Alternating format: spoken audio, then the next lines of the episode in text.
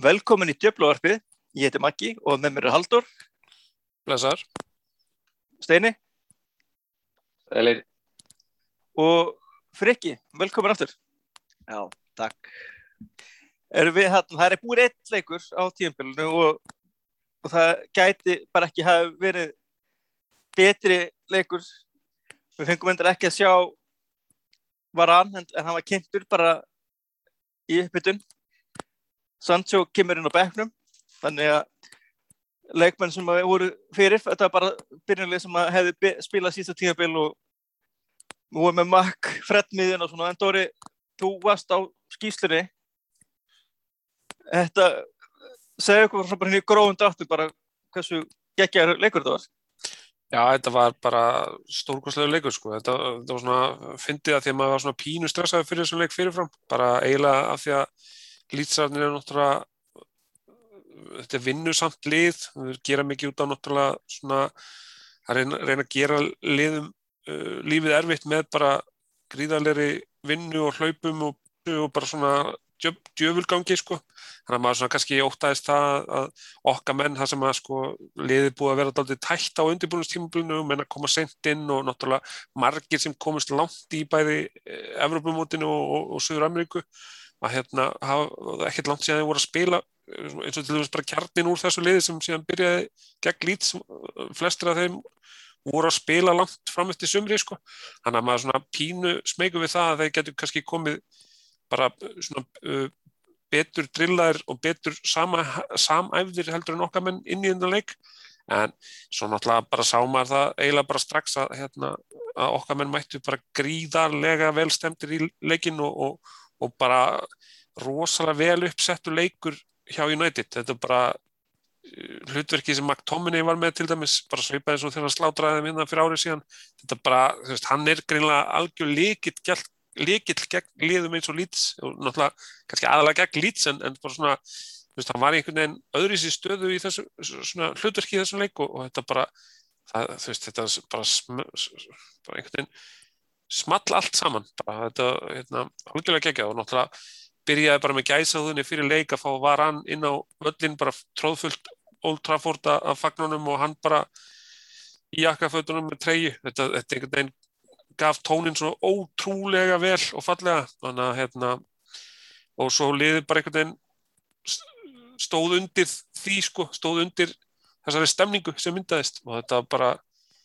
ótrúlega skemmtilegt að sjá. Meira segja þú veist eins og fyrirháleikurinn var sko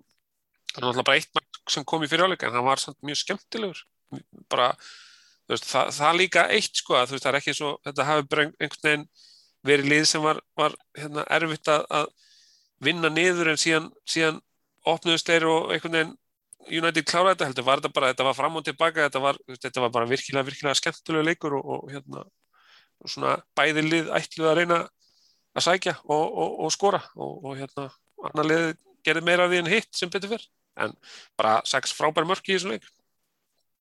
Já, það mána þetta ekki glemja að lýtsmarkið það kemur náttúrulega í stöðinni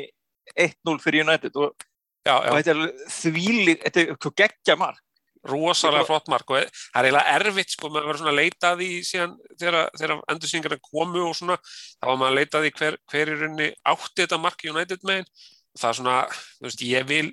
eiginlega ekki ganga svo langt að kenna Pogba um þetta, þetta kom upp hans meginn Sjó var svolítið stressað fyrir Rafinha Maguire var svolítið stressað að hlaupa út af því að lýtsarnir er náttúrulega með svona leikmenn sem að vilja hlaupa inn og einhvern veginn, þú veist, þannig að ef að þú ferð einhvern veginn hleypur út í hægri bakverð þá kannski kemur sendingu bakverði og maður komin inn fyrir, þannig að veist, ég skil alveg að þeir hafa kannski gefað honum aðeins meira pláss og svo bara, svo bara kemur hann með þess að líka neglu upp í skeitinu og hérna lítið sem David G. gætt gert í þessu sjálfsvíðan þannig að maður verður bara að gefa eiling það að hann hérna hann hérna e, gerði þetta vel. ekki, Er þetta ekki líka bara eitt af þessum dæmi bara, þú veist, þannig að ég er henni bara einhverjum að kenna? Þetta er bara eins og, ég veit ekki ekkur ef þetta alltaf í huga hérna. Giovanni vann bronkosmarki með Hollandi þegar hann sko langt fyrir þetta velli bara negli við vinstri og hún er með auðvitaðhundastúningi í, í samskiptin fjár sko, þetta er bara svona Já, stundir bara stundir bara þú veist, líka, þetta er, er algjörlega vannuna miljón þú veist, þetta er ekki, þetta er ekki mesti markaskorinn í deildinni. Ég, held að, ég held að ef þú gefur, ef þú gefur þeim, þú veist, ef þú gefur sólsker og, og liðinu það option að segja bara ok, þau getur verið búin að loka á allt en hægri bakvörðurinn kemur hann upp og hann fær svona mjög langsótt skot tækifæri þú veist, gefur er, er ekki yfirleitt bara, gefur það ekki bara yfirleitt, þú veist, er, er það ekki bara svona staðan sem flest lið vilja sjá bara jújú, jú, ef, það- ef það er einhver að fara að negla utan af velli þá bara allt til að sé hægri bakvörðurinn, þú veist, það er ekkert mál. Þannig að þetta er svona en, en síðan náttúrulega var frábært að liði svaraði náttúrulega því að næstu þú veist, næsta mark það kom sko bak við Eiling og svo var hann að reyna að bjarga á línunni í þriðja markinu. Þannig að þú veist, hann fekk þetta eiginlega bara svolítið mikið í hausinn bara sko, bara hann persónulega að, hérna, að hafa kveikt svona á United-liðinu með þessu marki. Þannig að það, það svona, veist, ekki að maður hafi viljað eitthvað sjá hann ganga illa eftir þetta mark en, en hérna, hann svona svolítið fekk þetta beint í hausinn sjálfur sko. Já, þarna, svona, við kannski förum kannski yfir náttúrulega, náttúrulega Pogba, náttúrulega stórkvæslega svona leik með fjóra stóðsendingar. En mér langar svolítið kannski, ef að þið nennið strákar, að fara alltaf svona bara svolítið í gegnum nokkara svona leikmenn í sem byrjunarleik. Þarna, mér langar kannski ekki fínt og meina þess að David Gea var, David Gea, mér finnst það virka bara frekar tröstur í svona leik. Hann náttúrulega, Henderson náttúrulega er frá, hann með, en þá ég er bara svo COVID, eða maður rétt og Sjó, Maguire og Lindelöf og Wambisaka, þú veist, Wambisaka jú, jú, hann var fýtt, það kom svo sem ekkert hans megin þannig að hann var svona solid, það var kannski ekki áberandi en þannig að það kannski var meira áberandi vi- vinstra meina því að það hefur svona hefur svona síðustu ár verið svona sterkasti kanturinn okkar. Og við, við svo skemmt til að það er eiginlegt sá kantur sem við erum með bakverð og kantmann sem getur geta gert eitthvað sko. Þannig að ég, sem að kannski útskýra Sancho-kaupin sem við kannski koma að segja nú eftir en hvernig, bara við byrjum bara tökum bara vörnina. Friðrik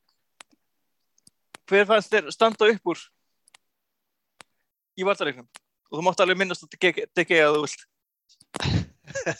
Ég má ég það, takk fyrir það. Sko, að fyrir þú hvernig þú byrjar sko, áður en að, hérna, kannski rétt áður en ég byrja, þá var svona, mig að koma að því að veist, þetta er kannski sá leikur sem ég hefði síst vilja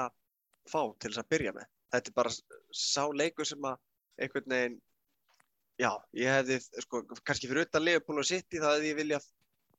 síst fá Leeds, einmitt út af því að, veist, eins og Haldur kom inn á, þeir, þeir voru búin að ná fleiri leikjum saman með aðliðinu og prísísoninu og þeir voru bara einhvern veginn aðmaður hjælt í miklu betra standi heldur en United.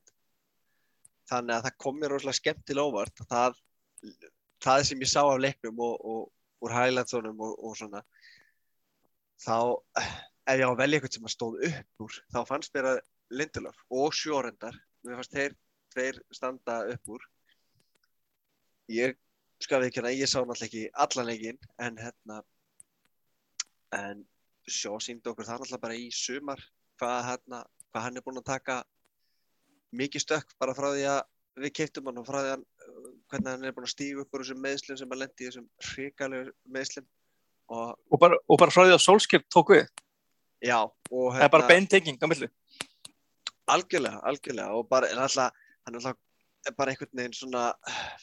fönix sem að rýsa upp úr öskunni eftir að Mourinho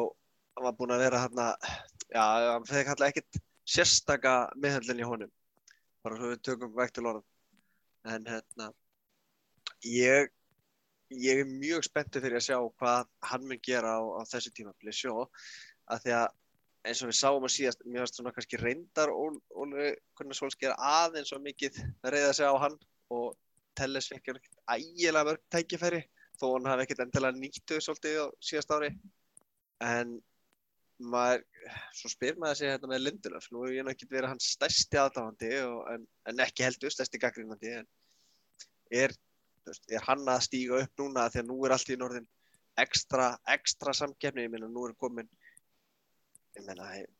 heimsklassa miðverður að keppa við hann. Ja, ég held að vera nú reyndar engin keppni en, en hérna, hann er ekki búin að vera hann er ekki búin að vera mikil keppni um, um þetta sæti við hliðina á Maguire. Og ég, jú, auðvitað, þetta er eitt leikur og maður getur ekki verið að stökka eitthvað til en hann var mjög flottur í þessum leik og, og skilaði sínu alveg upp á tíu. En, en það ótrúlega sagt, þá fannst mér ekki reyna mikið á öftustu fimm hjá okkur. Nei, þú, já, það er mér fannst sko ég, ég mynd, alveg frábært að sjá sko að því að þú veist það hefði verið svo auðvelt einhvern veginn að sjá Lindelöf bara ok, þannig er hérna, allur Old Trafford að fagna var enn sem er komin hann í rauninni til þess að taka stöðuna af Lindelöf þannig að mér finnst þetta svar hjá honum mjög stert að hérna að svara því með þessum leik og sína bara og ég hérna get alveg hef eitthvað fram að færa líka alveg klárlega. Þetta var kannski mögulega var þetta bara mótæri sem að hérna, henda honum vel af því að, að, því að veist, þetta voru ekki voru, var einhvern ekki lið sem var að fara að reyna að búlja Lindelöf, heldur meira, þeir voru meira að reyna að spila sig í gegnum hann og hann er þú veist, sko galli Lindelöf er ekki það sem reynir á í þessum leik, þú veist, gallin hans er bara þegar hann er í svona líkamleiri baráttu og getur verið svona pínu veikari en, en kannski einhverju tutta anstæðingar og hérna þegar að liðið eins og, og Leeds vill spila fótbolta og vill svona þræða sig í gegn og reyna svona já, bara spila svona áferða fallegan fótbolta, þá er Lindelöf svolítið góður í því að, því að hann er, hann er yfirleitt góður að lesa leikin og, og svona já, hefur, hefur alveg mjög góðan lesskilning, leikskilning segi þannig að það, hans, það síndi sér í þessum leik, það sá styrklegi og svona náttúrulega á hann til þessar ótrúlega fallega, fallegu svona sendingar yfir allan völlin sko. hann, alltaf, hann er unni á þátt í hérna, fyrsta markinu þá, þá vinnur, les hann sendingu fram völlin vinnur boltan, kemur hann á maktóminin sem finnur síðan Pogba og þannig að hann he- hefur þá sókn og svo náttúrulega kemur hann með þessa fallegu stóðsendingu sem að, sem hefði ekki talið í fyrra en, en bara skemmtilegt að hún taldi, taldi í ár þannig að hérna Sam, að ég- Sam Aritas hefur verið stoltir marki held ég. Já, en ég, ég held að sko, þú veist, eins og Lindelöf, þú veist, gegn öðrum andstæðingum, það hann sennilega ekki litið alveg vel út, skilur, það hefði kannski komið moment á moment, hann, hann er svona gaurinn sem að sko, veist, hann, á sjaldan einhverja hörmunga leiki frá að til lög, þetta eru aðalega bara einhver moment þar sem að, hérna, einhver svona næra pínu láta hann líta út fyrir að vera veikur, sko, eða svona, svona hérna, já, svona, þú veist, þannig að það er svona kannski helst það en, en svona sem bara knaspinu maður og svona veist, sem, hvernig hann les leikinn þá yfirleitt er hann góður í því finnst mér sko, þannig að, en þarna náttúrulega já, þarna bara hann sínt sínar bestu hliðar og gerði það og bara frábært hjá hann sko. Líka eins og Maggi segir lít svar nú, voru nú ekkert mjög beittir í þessum leik þannig að það reyndi ekkert það mikið á vörnuna líka það að við beittum bara tóldi mikill hápress á, á lýtsliði þegar það var veist, að kom, komast inn á okkar helming. Veist, eins og fyrsta markið og þá vinnur maktóminni hann og setur á pop og hann bara beint inn fyrir snilt að sending þar þannig og síðan líka Greenwood markið, það var ótrúlega vel gert hjá Pogba ef við, við tökum Pogba líka. Frá, bara frábært svar með að við húst það sem hefur bara verið að tala um í sumar um bara framtíð hans eins og eiginlega öll önnu tímabil hjá honum hjá United nema kannski fyrsta alltaf verið að tala um framtíð hans. En veist, hann setur það bara til hliðar og það verður vonandi þannig bara á þessu tímabili. Og hann bara sýnir svo sannig að veist, fyrir næsta díl sem hann mun sækjast eftir sem ég er ekkert alltaf viss að verði United.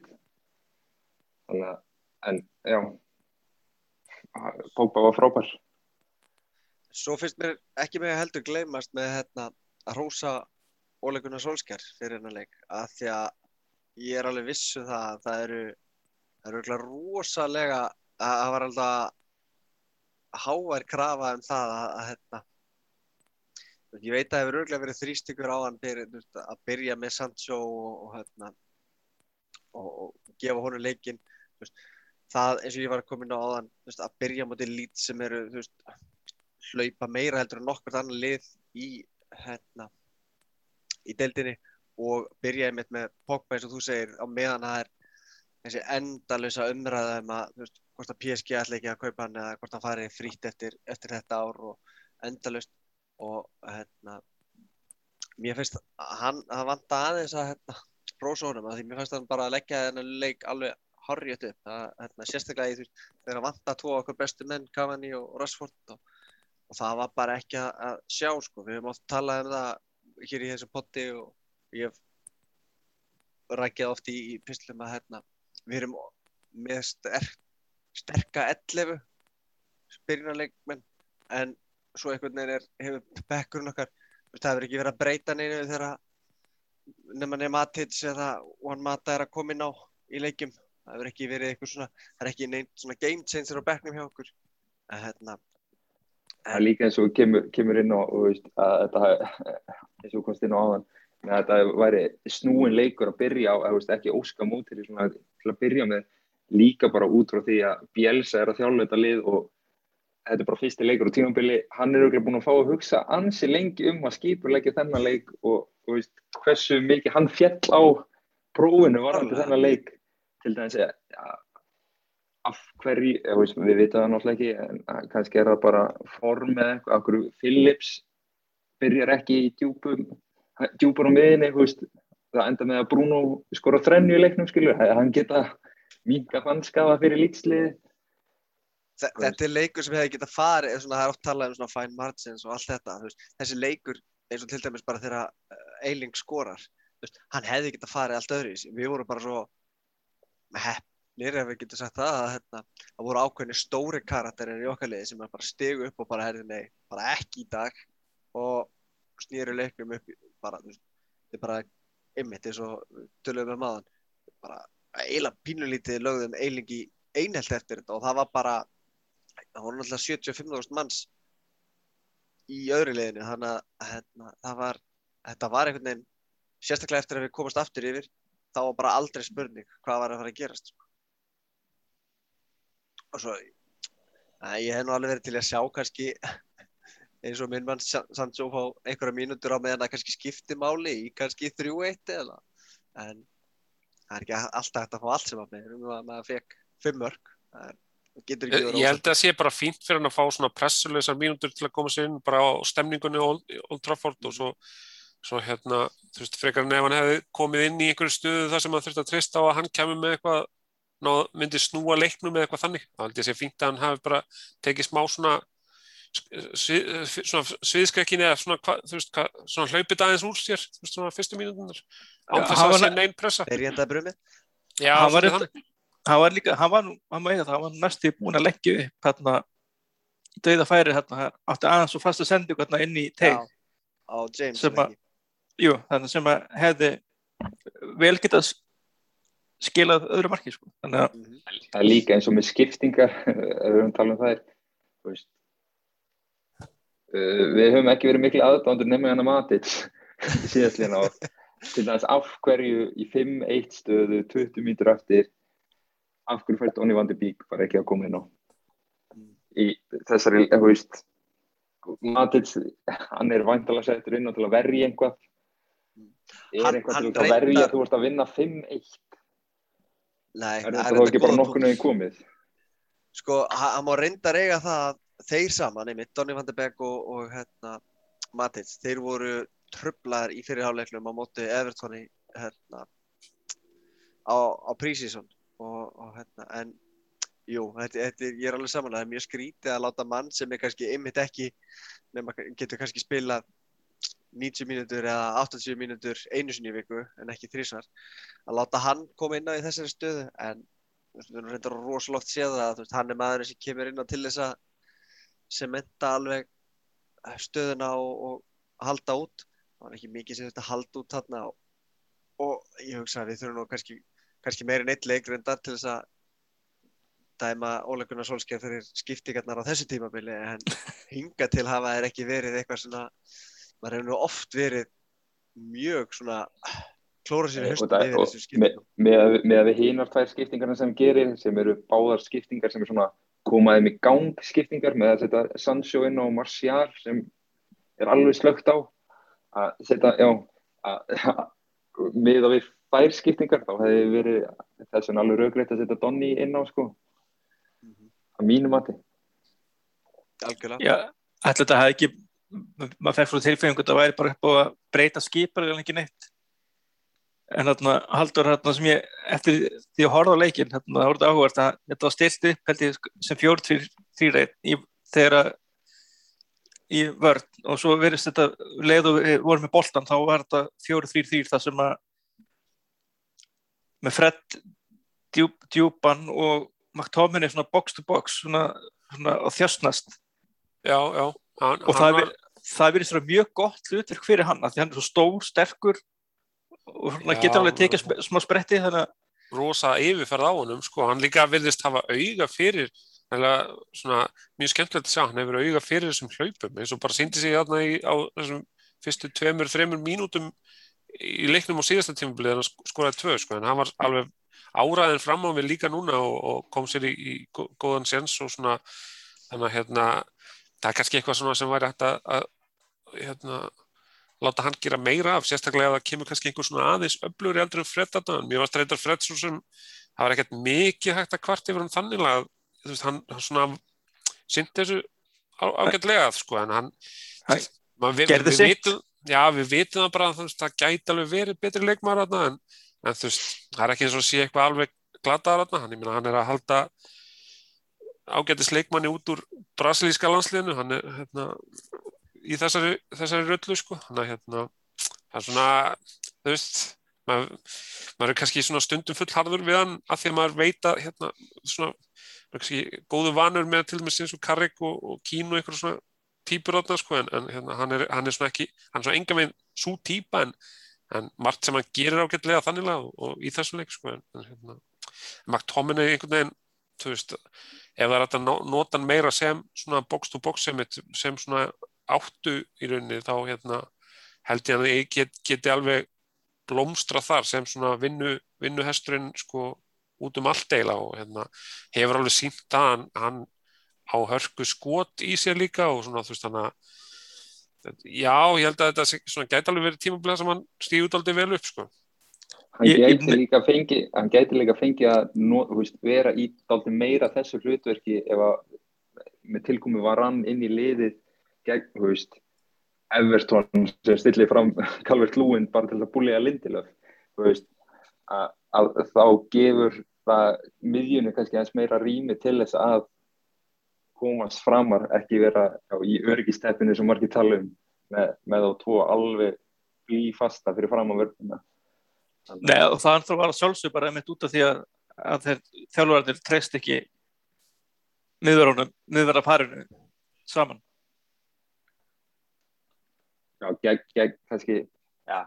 öðrum miðverðunum ég held að er, Já, ég- Maguire fyrir öllu Já, ég, að- ég, að ég, ég, ég er að meina bara, veist, ég meina parið, þá er að meina veist, þá er að raunni hvort sem að bæi eða lindar fyrir honum. Og. en ég ég veit veldi fyrir mig hvort að þetta geti kannski verið tímabili þar sem að svona Fletcher, hvort þetta verið kannski Fletcher tímabili hans McTominay. Já, geti, geti alveg verið sko. Hann- hérna, hann er einhvern veginn hann er náttúrulega löngu búin að sína það að hann er ótrúlega flottu karakter og hefur oft sínt líka það að hann, hann átt, getur átt mjög stórar framistöður á vellinum hann har kannski ekki gert það svona alveg stöðut og við myndum vilja en, en, hérna, en það er margt mjög margt spunni innan dreng sko, og hérna bara með gríðalega mikið United hjarta. Þetta er svona að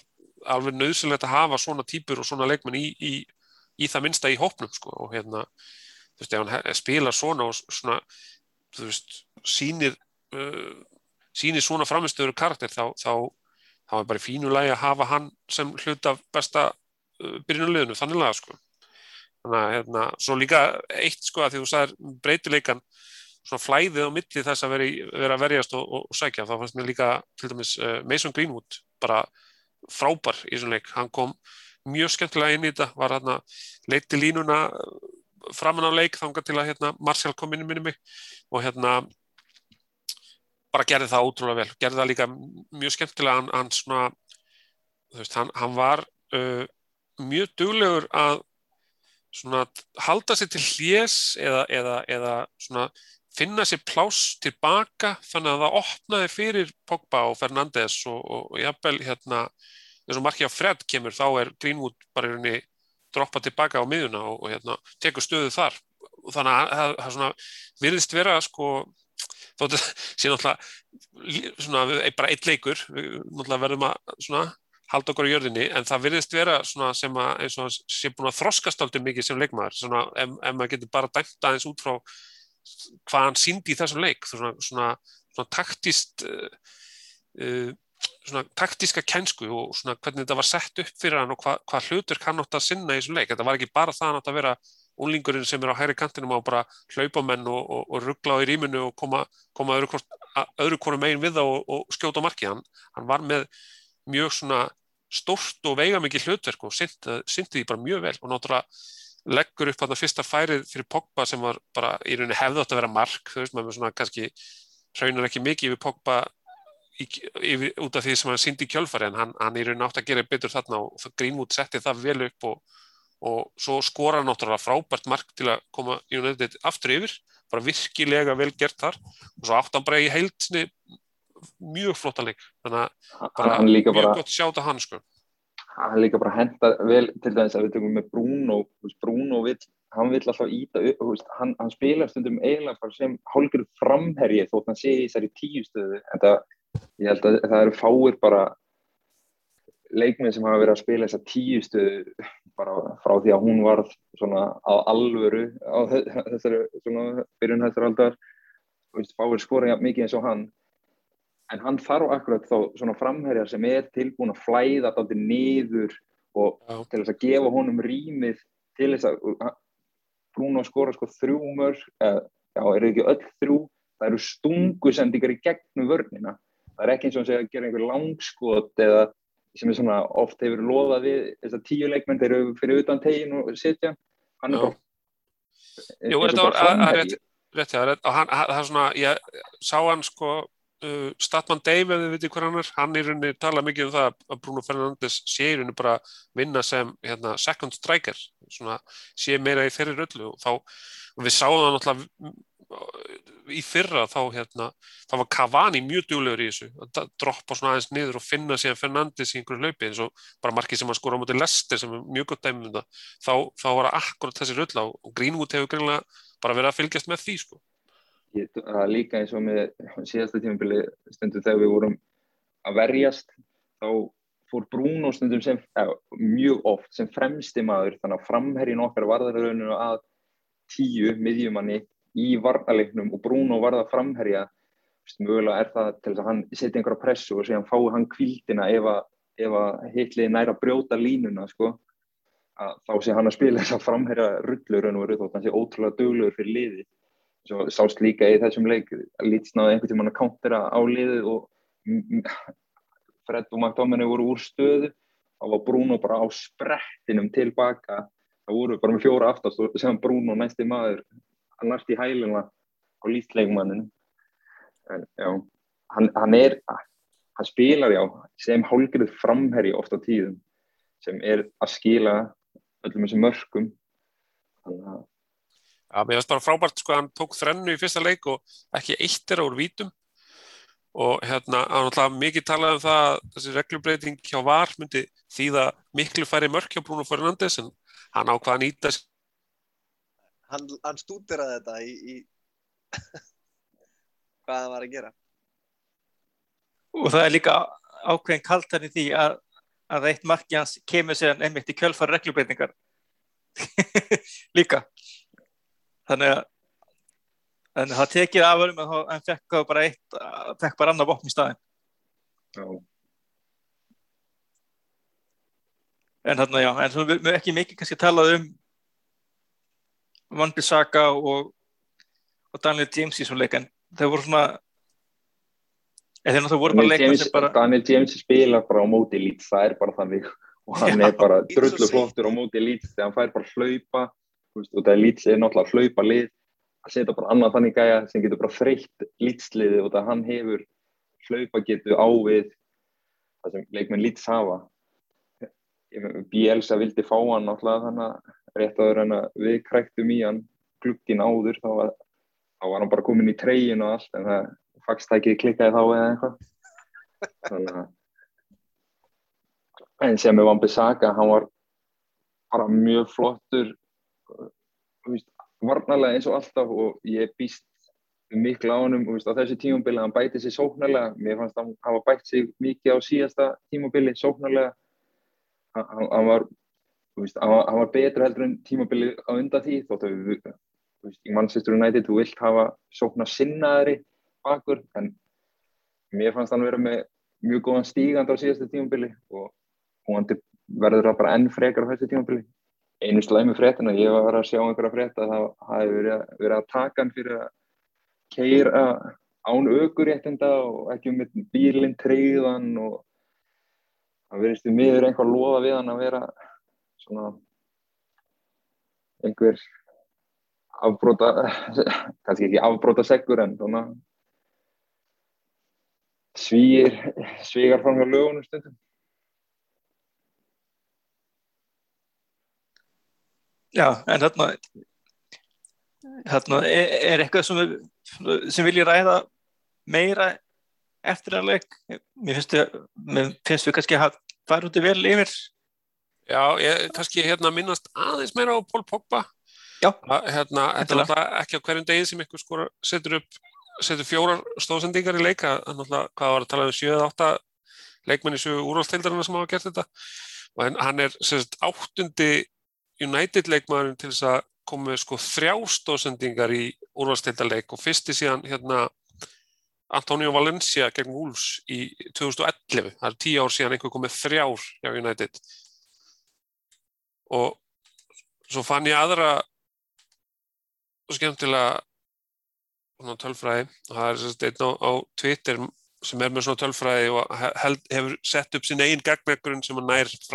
aftur til 85 minnum og ha- hann er með einn leikmann sem er með fjóra stóðsendingar í sama leiknum fyrir Manchester United. Og það var Ryan Giggs í 7-1 sigurinnum gegn Róma. Það er eini leikmanninn hjá United allavega síðustu 35-6 ár sem hefur náði þannig að þetta er ekki eitthvað sem gerast á hverjum degi. Og þótt að Graham Súnes vilji gera þessu þá hérna þá er þetta frekar Það magnað ekki- afreg sko. Það vildi bara tala um Greenwood. Já, það var Grímút var reyndar alveg góður sko en, en veist, bæði Bruno og Pogba áttu betri leik en, en allt í leik hérna, þurfum ekki að ræða meira um Graham Súnes hann er náttúrulega bara fáiði En síðan er líka náttúrulega önnur tölfræði umræða. Við, við vorum með eitthvað XG upp á bara 1, eitthvað mark. Og við skoðum 5. Þú veist, Já, Er það kannski einhvern til að hafa áhyggjur að eða eru við bara með það góða leikmenn að þeir slúta bara úr þessum færum eða var Já, ég- átti með li, með li, hvað heitir hann, með li er bara ekki sinn dag eða þetta Hann hann var Greenwood eitthvað nála sko. til að verja fyrsta, fyrsta markið og hérna, Nei, það er líka bara að þú ert að fá Bruno á því, hann er búinn að skora 1-2 síðan var ekki þriða markið þegar Lindelof setur hann í gegn og hann bara og sérð ekki meira sannfærandi slútt heldur en það slútt sko. það, það, það er bara maður sem er á eldi sem bara dundrar þessu í þagnetið á skoppinu og bara hleypur út á fána bara, þú veist, hann vissi hvað hann ætlaði að gera eftir að hann var búinn að skora það var eiginlega bara orðið þannig sko. já, já, það var samt sko ekkert að mörkunum hjá United var með lít, eins lítið XG eins og marki hjá lít sko þannig að það svo sko kannski segir ekki allt en það það reyndar En það er þetta, er samt áhugavert að United var með uh, tölvert betri tölfræði í skoruðu mörgum en, en XG mörgum sko hérna í, í fyrra og þeir eru áfram, áfram í því núna. Þannig að þetta er bara þeir eru he heitir, þeir, þeir eru bara í stuði eins og Bruno og Mason er náttúrulega geggja á slúttari. Þannig að þetta er svona kannski meira bara dæmið það, en það, það er líka bara það sem þarf líka með sko eins og við sáum náttúrulega bara þegar Liverpool vann titilina hérna, til þess að eiga einhvern séns að vinna liðin sem mannstu sitt í að þá þarftu bara þú þarf bara að toppa XG-þitt og þetta þur, þurfa bara að, þetta þarf bæði að bæði þurfa leikmyndin að vera í stuði og svo þarf þetta líka bara að detta stundum stöngin inn frekar en- stöngin út og, og hérna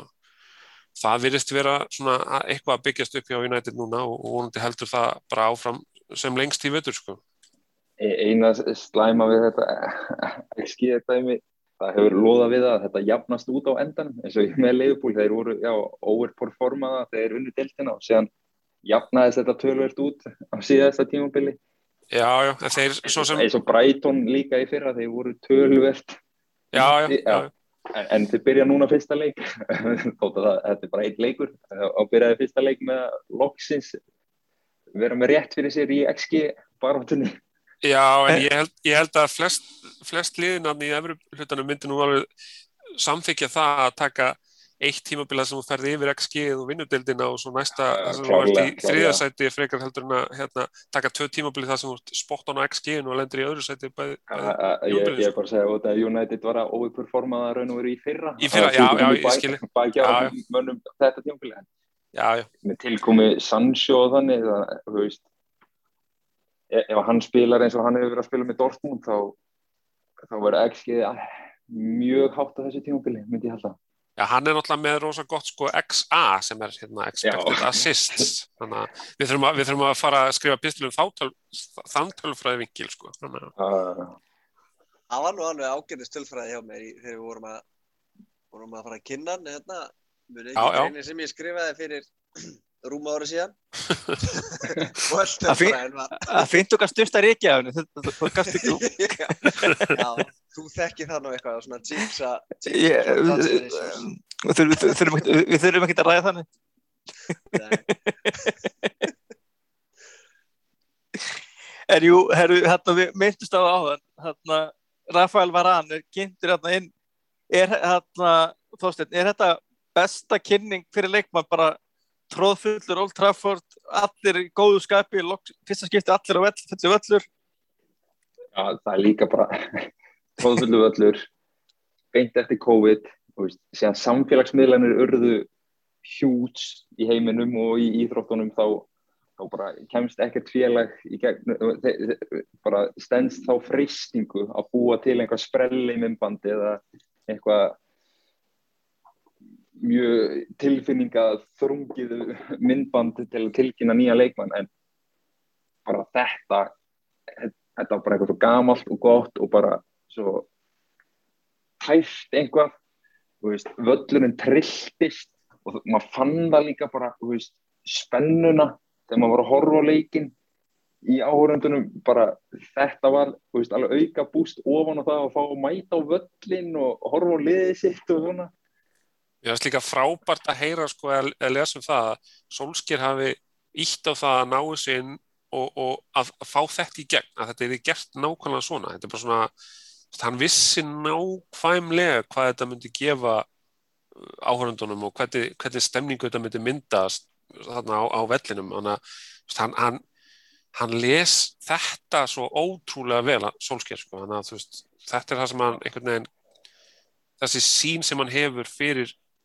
fyrir, fyrir félagið og hvað, einhvern veginn hvernig það er að gera góða hluti fyrir Manchester United veist, það, er bara mjög dýrmætt held ég og það er eitthvað sem að kannski aðri stjórar sem að hafa kannski svona, svona eru kannski stærri nafn, eru kannski ekki endilega að ná sko, svona, þannig að þú veist, hann, hann já, það, það er virkilega vel gert og gaman að, gaman að heyra því sko.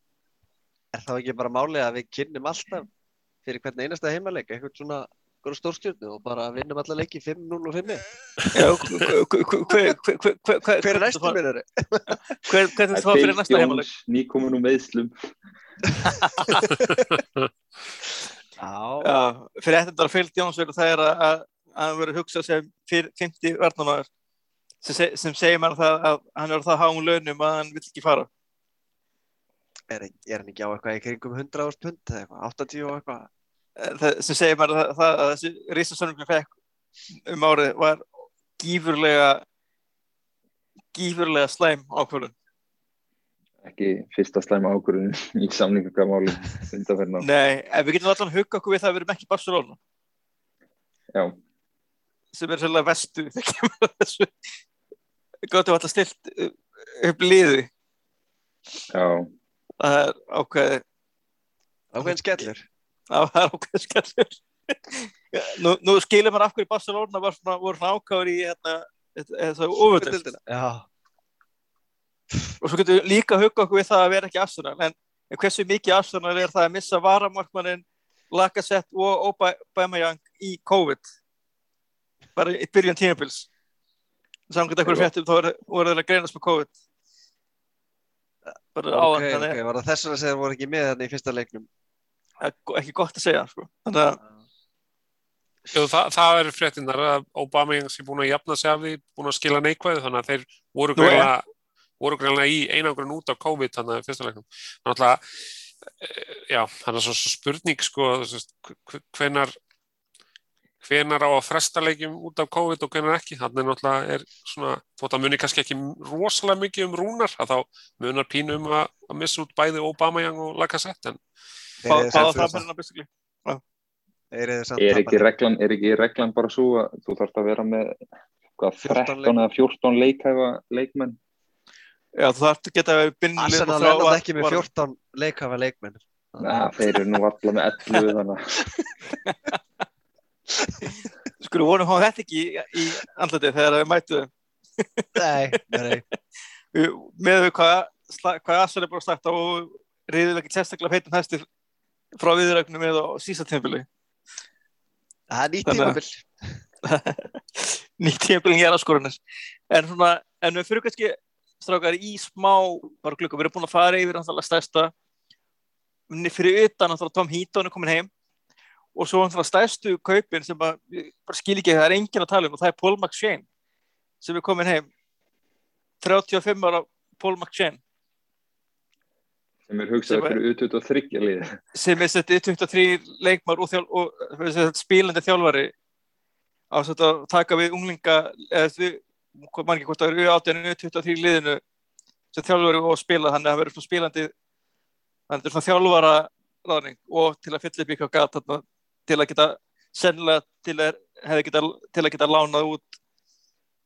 hérna, Bernard og, og svo mögulega Mengi líka og til að, til að U23 geti stilt upp byrjunalið en Bara mjög áhugaverð ráðning eða eða sæning, hvernig sem maður lítur á. Það. er ekki að segja og svo að þessum fóru í glöggalu það er stærsti nöfnin eru Sergio Romero og sennilega Joel Pereira markmenninir, svo er þetta svona yngri leikmenn Ali og Tróar sem átti að vera eitthvað efni. Franskur, hann fer fóru þetta nokkru frýtt og og Puk Marl sem er ungu spámeri sem var talin efnilega líka. Hann, þeir fá allir að fara þetta bara frálsinsvölu að það er kannski mest að frétta og, það eru leikmenn sem eru lánaðir út. Og það er kannski mest ábyrði er Tjong til Birmingham City sem hefur verið að brilla það. Skoraði og er bara veist, le, leysa fullt að stöðum hérna í sóknarni og mjög góðum ánugri og, og svo er það Dísjón Bernhard til Höll Pellistri fyrir aftur til Alaves sem hann virðist að á, ég veit ekki betur hann að bara feka solid tíðanbils í fyrra. Síðan er þarna, Axel Tvanseppi lánar út sem er bara, bara fínt. Fyrir þetta til Aston Villa. Það er klart mála er rúglega meiri líkur og komist í hver leiki þar þetta er hjá okkur ég tala ekki um það unna, okkur tekst ekki eins og losna við Phil Jones þannig að Hann er nú með fimm í að ja. og, svo, og svo er þeir hérna báður Íþanarnir voru lánar Íþan Galbreið var lánar til Doncaster og Íþan Lert bakur lánar til Swansea þannig að Síðan er það að gangi gegn að Pereira, Andrés Pereira sé að fara til Flamengo. Í Brasilíu. Að loka metrónum, já. til Það að var komast á ekki- HM var ekki komið Here We Go hjá honum Jú, Já, það er basically frágæði Já, það er svo gott sem svo allavega. til staðfest já, já. og svo er náttúrulega stærsta spurningamerki er náttúrulega Lingard, en hann náttúrulega búin að var náttúrulega ekki með hann náttúrulega búin að vera COVID einangrun, þannig að Og Það er er líka spurning hvort að Diallo fari líka á lán og, og hann svíin okkar lang, langa. já, að þeir fari líka á lán. Ég væri alveg til í að sjá að mat fara í eitthvað svona úrvalstildalán sko. það er verið að tala um Kristján Mögulega. Palas var talað um já, Sheffield mögulega sem er náttúrulega ekki úrvalstildalán en það, já, þannig að þú veist það, það, já, það væri áhugavert að sjá hann sko. svo gæti hann fara eitthvað í Európu ég væri til í að bara, að því að Já. ég held, held hann fá, í rauninni ekkert endilega mjög margar mínútur uh, þannig að það væri fínt ef hann geti farið eitthvað og spila bara bara duglega sko og hérna sjá, sjá, hvernig stendur sér þar. Og svo náttúrulega gle- gleymi, gleymi hérna Brandon Williams sem fann til Norvits það er einmitt það er svona annað. Það eru tveir hann sem hann og Axel Tassep eru báðir úrvöðsættaláni þannig að þannig að það er spurning hvort að- að Williams ég hugsaði sem bara byrjunleismæður hjá Norvits og, og, og hvorum eigin hann er hugsaður hjá hvort það sé hugsaður hægra menn náttúrulega þeir eru náttúrulega gífilega gífilega eftir hann hægra bakur Já, og það er hérna Max Arons sem hefur verið orðað við United meðal annars. Og, og fleiri liði náttúrulega þetta er svona gífulega etnilegur ennskur bakur svona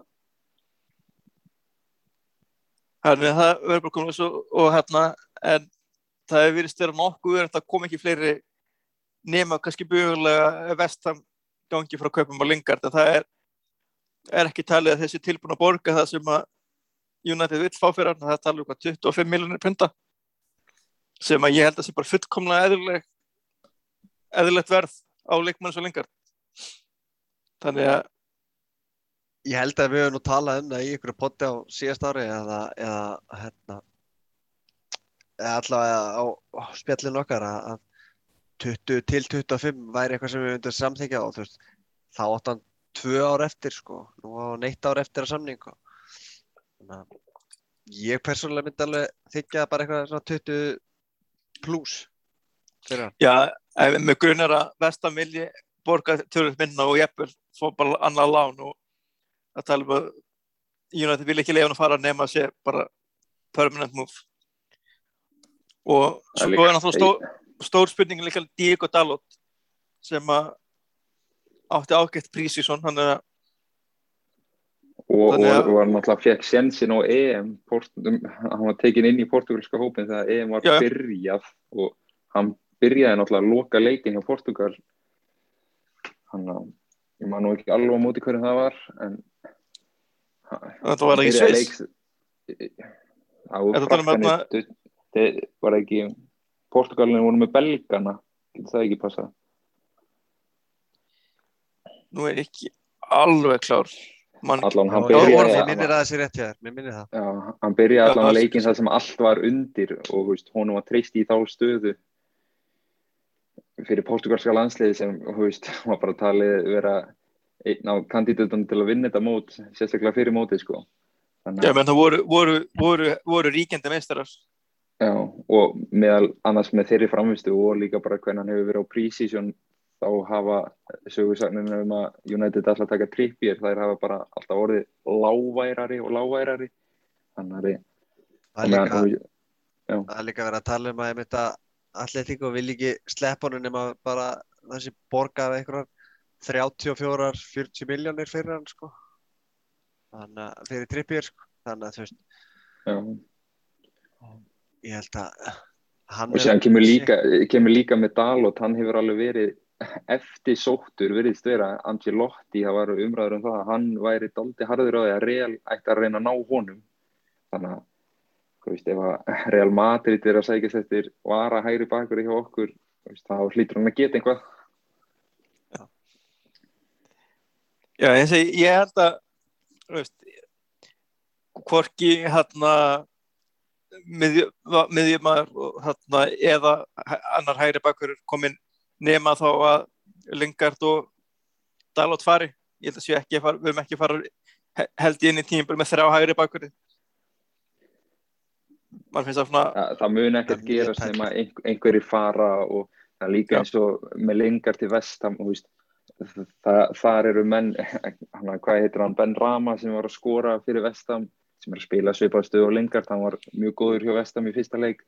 Uh, Jarmar Lenko veist, hann er að hýrða daldið stóran seðil þar, veist, það dyrta að búa til pláss fyrir lengart sko í, í Ég- Excel-spilinu sko. En, en með að við hvernig Lingard spilaði hann var bara, hann var bara hann, í, í, voruð bara, hann var besti leikmaður í bestum hann bara skoraði með stóðsöngu bara í hverjum einasta leik. Það var bara en þvílíkt þeir, sá, já, en þeir sáu kannski fram á að þeir getu tæ- gætu hafa tekið hann á láni á síðustin tímabili og voru örugglega að borga tölvört minna af launakostnaðinum heldur en þeir myndu gera núna ef þeir myndu fá hann á láni. Og COVID er brellið og bröndótt og það komið í baki á mörgum liðum sko. Já. ja, við sjáum það bara í deildunum í kring þessu stóru lið. Er hann ekki eigða miklu í leikmanna kaup Nei, og það er, það er svona eins og Barcelona það er ekki mikið og er ekki margir, hvað er ekki næst all, er ekki allir leikmenn sem kom inn bara tæknilega séu á frjálsum sölu jú. Bara sem sama, já, eins og PSG, þeir eiga 60 miljónum í einn leikmann. eru Hakimi svona og free agent. Ég veit ekki hvernig greið Pep Guardiola færi að ef að þeir hefði ekki selt alla þessa ungu leikmenn fyrir 60 miljónir eins og hann er að, alltaf að halda fram sko. Ég veit ekki, veit ekki alveg hvað hann fær þá uppæð 60 miljónir en hérna, hann má reyna að blekja sjálfan sig með því að bara eins og Æ, hann, En Þeir- önnur, þeir- önnulið, sem að önnulið sem að hérna lifa í sama heimi og við hinn þá hérna eru, eru voða róleg sko. Það, þetta er erfitt og það bara að, þetta er eiginlega bara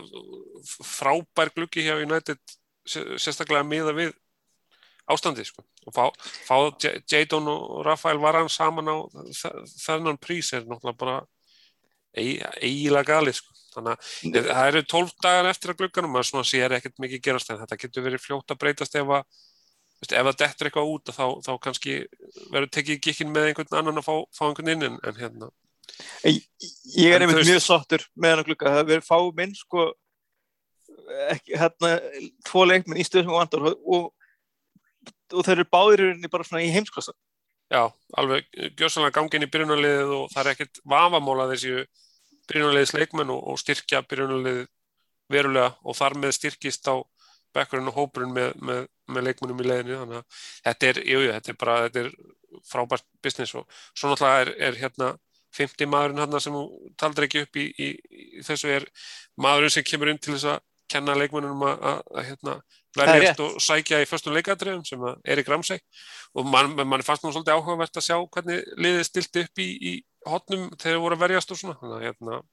Það má líka segja það með æfingarleikina, það var einn, hann var leini æfingarleikur núna í vikun og síðan. Everton æfingarleikurinn sem Harry Maguire skora í báðum leikum eftir hotspinnu. já, þetta var náttúrulega markið þarna gegn Everton var náttúrulega sko,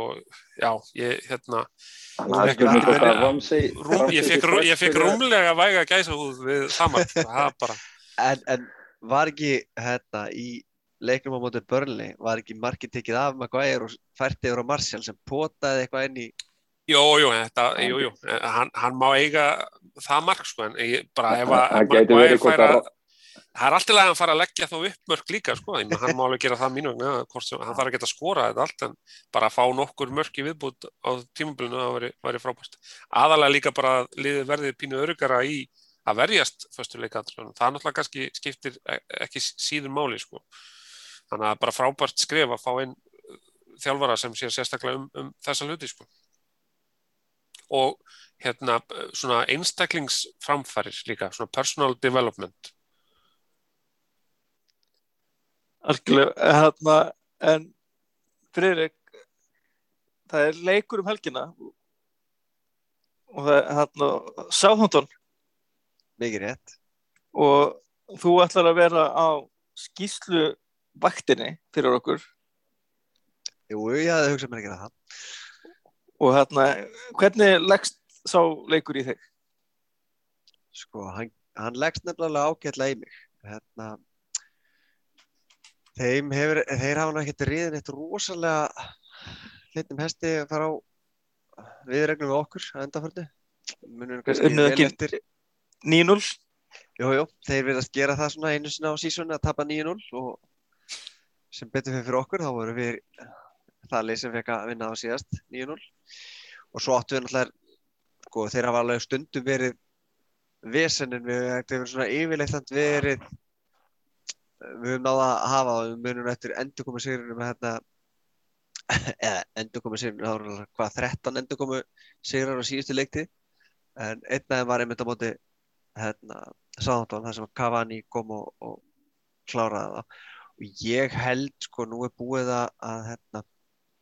þeir eru búin að missa helsta markaskoraðin sinn að orða James Ward-Prowse í burtu og svo eru þeir búin að missa líka sterkasta varnamannin sinn. Þeir reynda búin að kaupa uh, tvo varnamenn einn hérna,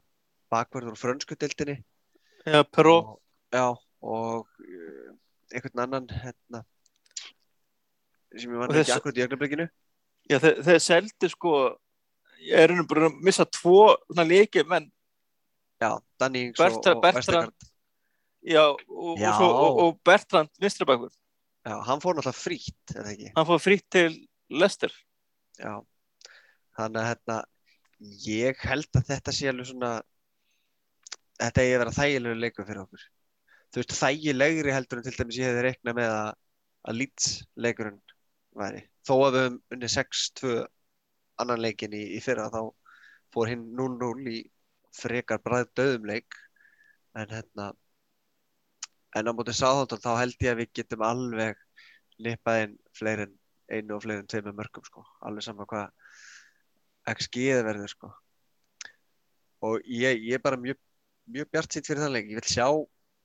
ég vil sjá hérna, grín út aftur upp á topp og bara í rauninni mjög svipað lið nema ég held að myndi alveg henda í þessum leik að, að sleppa Mac, McFred og gefa Matits og, og Svante Begg þennan leik. Það er ekki þörf á því að því að núna við ekkit það er ekkit aðra keppnir byrjaðar en er Nei, ég, ég, ég, held núna, ég held að núna sé tíminn til að hérna, svo, svo, svo, segjum kannski einstaklega sér um ósamvala í þessu podcasti, þá held ég núna sé einmitt tíminn til að spila sterkast í liði nokkara leikiru. Já, sko, ég held að sko, ég held að hann mun alveg halda áfram með, sá- það er rosalega erfitt að fara að gera rótringar á liði sem að vinnur 5-1 í fyrsta leik, Já. það er rosalega erfitt Ég, ég gæti meira- séð, maður gæti kannski séð Sancho byrja hægra megin. Já, Mögulega. ég, sko, fram yfir hérna, en sko, í rauninni þá þá er mér alveg sama hvar Sancho byrjar, hann er jafn vígur í, þú veist, hvort sem hann er á vinstri að hægri kantinum eða og hann getur líka verið í hólunni, sko, þannig að við erum hann, hann bætir svo mikilli breytt við okkur, þó, þetta er ekki bara leikmaður sem er fastur í einni stöði, alveg svo hérna, og þú veist, hérna, við erum við erum alveg með hérna, fullt af leikmennum sem geta spilað í rauninni veist, á köntunum og, og, og hérna. Og ég held að þetta sé bara samt svona leikur, jú, jú, það verður frábært ef að, ef að hann hérna ef að hann uh, myndi byrja en ég er samt ekkert viss um að Solskjaer sé að fara að gera breytingu strax. Að, að, að gera hérna, breytingu fyrir þennan leik. Ég held að hann haldi sig við sama lið. Ég, ég, ég, ég er sammála makka, ég held að hann gerir eina breytingu að Daniel James út úr inn en hann haldi sig við raun og allt annað. Haldið við sjáum, var hann, Haldur, heldur við sjáum, var hann á bekknum? Heldur, ef heldur við séð Já, ég hugsa hann fari, fari, ég, hugsa hann fari nú örgulega á bekki, ja, spurning sko hvort að hann vilja geima þá er hann bara tilbúin að fara beint inn í byrjunliði, en nei, nei, ég hugsa hann hljóti að fara með þeim og, og vera þá allan á bekknum sko. Uh, ég væri til í að sjá bara einhvern byrja þennan leik á einni góðri statement tæklingu á Oriol Romeo. Já, takk. Hérna, hann er vist ennþá þarna hérna, mun vantarlega byrja þarna á miðjunni þá væri fínt að bara Skotti myndi kannski taka eina góða svona uh, góða kveðju bara í byrjun leiks og hérna og setja tónið þannig. En svo bara eftir það með að bara spila uh, alvöru fótbolta og hérna vinna þetta lið. En, en maður svona leifi sér bara að vera mjög bjart fyrir hann leik sko. Ég hérna, tek undir með ykkur. Og þóttið þú vantilega tekur undir það. Eða náttúrulega, maður vil alltaf aldrei vann með þetta anstæðinga en það er þegar maður skoða leikmannhópin hjá Sáðantón það er ekkert að segja að séu ekki veikari hópur, þeir eru ekki styrkt hópin eitt Nei, þetta, er svona, þetta er það lið fyrir utan nýliðana sem er spáð falli eða svona, veist, þessi fjögur neðstu lið, þá er þetta það lið sem er talið vera, verður bara í bullandi bombaróttu á þessu tímabili. En það er líka alveg hættulegt að mæta liði sem er nýbúið að fá þann dóm á sig og þú veist, þeir eru að, þeir þurfa að kýla upp fyrir sig og meðan við erum kannski í einhverjum drauma heimi þannig að menn þurfa að vera vakandi. Ég held að sé líka rosa mikilvægt að einmitt ekki falla kannski í þá grifi að vera vannmetað því þú veist, við þurfum ekkert ég veit að Liverpool var til dæmis í tómu basli á síðasta síðustu leiktið en þeir unnu samt Liv- Liverpool. Í, sko, var það ekki bara í kjölfarið á að við tókuð á 9-0 það var ja, svipa liti Já, jú, þeir, þeir, unnu, þeir unnu held í Liverpool einhvern tveim leikjum áður eða einhver svo leiðis. á Anfield Þeir unnu Liverpool Já. og Ralf Hasenhættul fór að gráta hana og síðan töpuður hverjum leiknum að fætur öðrum eftir það, sko. Já, það mistu þeir trúna á þjálfara. Já, Seg, seg, segið svo að eitur og kallmennska sé ekki vandamál í fótbollunum en þarna ég held að þáttur verið ekkit lengri þessa vikunastakar því bara eh, ég þakka kella fyrir spjallið og við hérna stefnum á að vera bara ef aðstæða leifa þá reynum við að vera með bara í næstu viku Yes, herru. Takk fyrir. takk fyrir Bless, bless.